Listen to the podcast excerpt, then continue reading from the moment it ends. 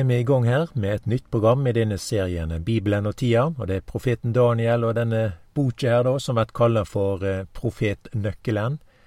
Og så ser vi gang på gang at det som har med det som Herren sier, det er noe som skjer. Det blir alltid sånn som Herren han har sagt det, og Israels Gud er å rekne med, den som tror på Bibelen, den vil aldri verte til skamme. Og her i kapittel 1 jo Daniel, så er jo vi vitne til at det jødiske folket i Judea blir tatt av Nebukaneser, kongen i Babel. De blir bortførte fra Jerusalem og til Babel. Det er da fire personer som vi møter her, og det er Daniel, eh, Hananya, Mishael og Asarja. Eh, alle disse fire personene her har da jødiske navn. Og tar med betydningen av disse navnene, så kan vi seie det på denne måten. Israels Gud, verdens einaste frelser. Og jeg synes det er fint å legge merke til akkurat dette her, eh, at eh, profeten Daniels boke begynner på denne måten her. Og dette da er ei viktig sanning. Israels Gud er verdens einaste frelser. Og det er bare til å streke under det at det er bare én Gud. Og det er Bibelens Gud. Det er Israels Gud. Og det vart også til sist Nebukaneser sin erkjennelse. Han kom ikke utenom dette her.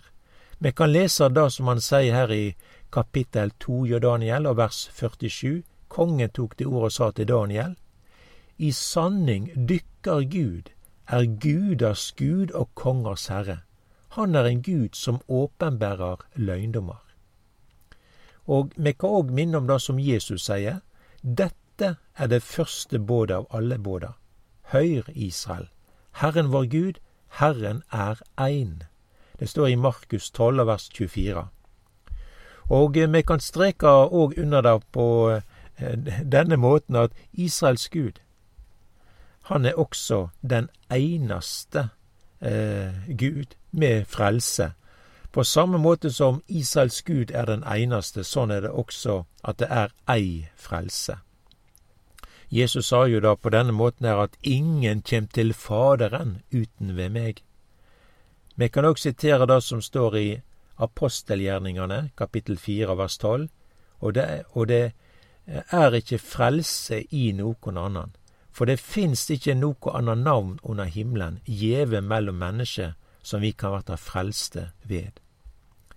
Så når vi da leser i denne profeten Daniels boka her, da, og Daniel i Babel, så, så, er det jo at vi møter forskjellige guder. Altså det er husguder, og det er guder av gull og steiner, og det er guder som er omtalt som er der oppe, og som er imellom oss, osv.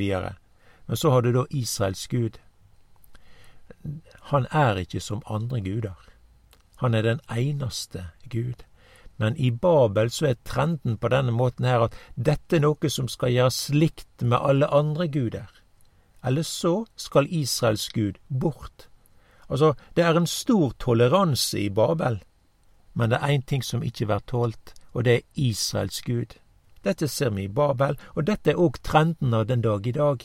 På samme måte så det er ikke noe nytt under sola for den del.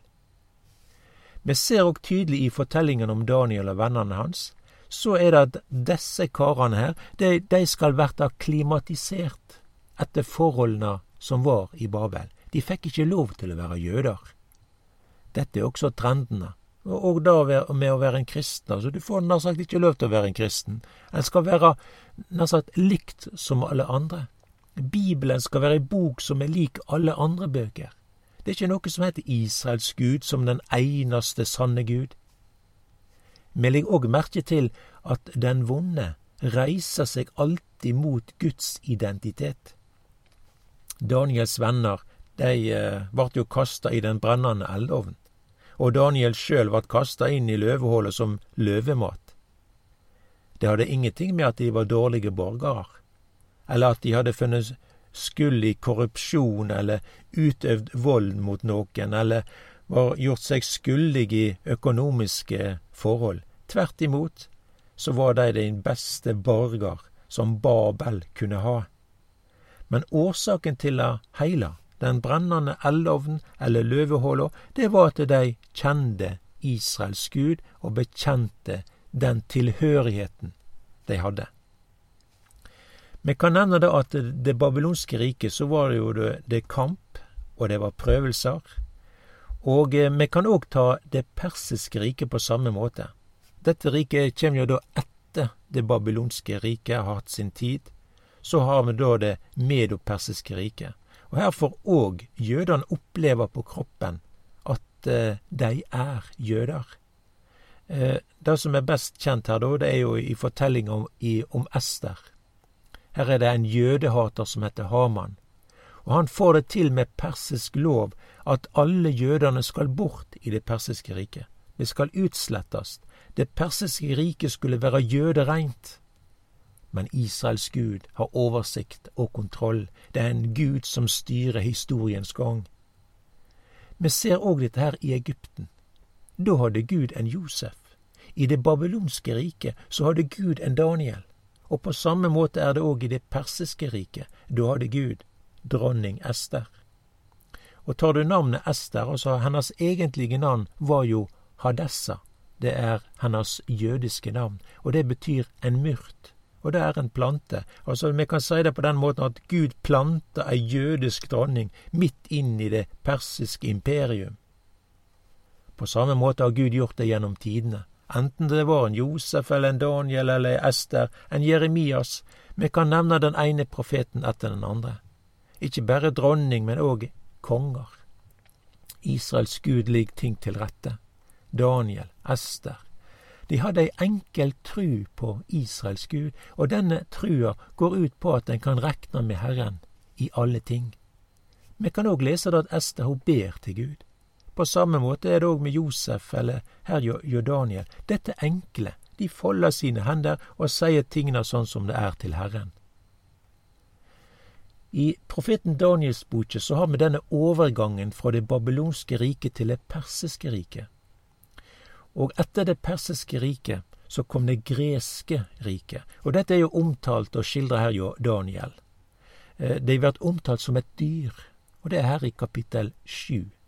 Det babylonske riket blir omtalt som ei løve, og det persiske riket blir omtalt som en bjørn. Det greske riket blir omtalt som en leopard. Og leoparden er jo kjent for å være rask og hurtig. Vi kan òg lese i kapittel åtte jo, Daniel, der står det om det greske riket at han for fram over hele jorda uten å komme nær marka. Og da er det stor fart, når det vært sagt på den måten der, da. Vi kan ta litt mer her ifra kapittel åtte, jo Daniel, og det er da denne geitebukken med to horn. Og det står her i vers tre, en løfte auga mine og sjå, det sto en vær framme elva. Han hadde to horn. Begge horna var høge men den ene var høyere enn den andre, og det høgste voks fram sist.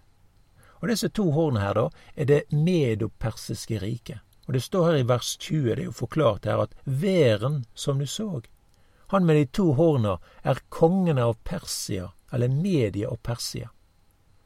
Og dette er jo et rike som da er fram til året eh, 331 før Kristus. Men etter dette her, da, så kom da denne her geitebukken etter denne veren her. Og det står her i kapittel 8 av vers 5. Medan jeg så på dette, sjå, da kom det en geitebukk fra vest. Han for fram over hele jorda uten å komme nær marka. Og denne eh, bukken her, han har et veldig horn mellom øynene. Og, og geitebukken, han representerer da det greske riket. Så ser vi da at dette her da samsvarer jo med leoparden, og det er hurtigheten. Det står her i vers 21 i Daniel 8. Den raggete bukken er kongen av grekerlandet, og det store hornet mellom øynene hans er den første kongen. Så dette er jo veldig konkret om det kommende greske riket, og med Alexander den store i felttoget. Og det er underlig hvor Daniel kan skildre disse tingene her lenge før det skjer. Men det er jo sånn det er med det profetiske ordet. Vi kan lese det i ettertid, og vi kan eh, sjå at dette her det stemmer. Det vart sånn som Herren han har sagt det, og det er Guds varemerke. Israels Gud er å stole på. Og så ser vi da midt inn i dette her det greske riket, i kapittel 8 av Daniel. Vi kan òg lese i kapittel 11. Og her i kapittel 11 så er det omtalt at riket vart delt i fire deler. Det vart på den måten. Alexander den store han hadde jo ei kort kongetid, men han for da fram med stor hurtighet, og nett sånn som leoparden gjør det. Og så vender han seg mot Jerusalem, nett sånn som alle andre konger og presidenter og statsråder og ministrar verden over gjør det. Alle vender seg til Jerusalem, også Alexander den store. Og han gikk da òg mot Syria og Tyros og der i Libanon, Gaza, og så gikk da turen til Jerusalem. Når da Alexander den store kom til Jerusalem, så gikk jødene han i møte. Øversteprestene de var i spissen for dette møtet her, og så er det da skildra at det var et vennlig møte. Alex, eh, denne her øversteprestene, han eh, de leier da Alexander den store til tempelet. Her ble det ofra til Gud under leiinga av prestene, og så ble det da videre omtalt at øversteprestene gav da Alexander den store profeten Daniels boke. Og her kunne da kongen lese om seg sjølv. Han kunne lese om seg sjøl i kapittel åtte og i kapittel to, også ifra kapittel eh, elleve her, da. Og her i kapittel to så er det jo da denne billedstøtta som eh, representerer da disse verdensrikene. I kapittel sju så er det, er det greske riket, og her er det da at leoparden blir omtalt. Så har du da kapittel åtte, det er geitebukken. Så det må jo være underlig for Alexander den store da å kunne lese så konkret om det greske riket, om kongen som fer fram med stor hurtighet. Alt dette er om kongen sjølv. Og dette er jo materiale og kjelde for kongens møte der med Jerusalem. Det er den jødiske historieskriveren Josefus som omtaler disse tingene her, da. Men denne Alexander den store, han kunne òg lese om seg sjøl i kapittel 11 her, da. Og det handler da om at kongen han vil få en brå død. Og eh, det greske riket vil bli delt i fire deler. Og Det står her i kapittel 11, jeg kan lese vers 4. Men så snart han har stått fram, skal riket hans verta sunnbråte og delt etter fire vindretningane under himmelen. Det skal ikkje gå til etterkommerne hans, og ikkje være så mektig som da han rådde, for riket hans skal verte rive opp og gå over til andre enn dei. Så det som er greit å legge merke til her, er at Bibelen er nøyaktig. Grunnen til at leoparden hadde fire vinger og fire hovud, det har da med hurtigheten å gjøre, og så er det òg at dette riket ble delt i fire deler. Det var både med stor erobring på kort tid, og så var det verdensinnflytelse. Og så legger vi merke til at Bibelen er ei troverdig historiebok, og så legger vi òg merke til at alt dette er skrevet på førehånd. Og lenge før det skjedde, og at Alexander den store han kunne da lese om disse tingene her om seg sjøl. Og det er jo sånn Bibelen er. Og en av disse fire regentene her, da, det er da Antiokius Epifanes. Og det er jo denne regenten her, da, som går mot Jerusalem. Han nekter jødene å be til Israels gud. Og de jødene da som ikke innretter seg etter det som Epifanes sa, de mister livet. I tempelet så erstatter da eh, han Israels gud med avguden Sevs, Olympos, som det vart kalla, og det vart ofra ureine dyr på alteret i tempelet.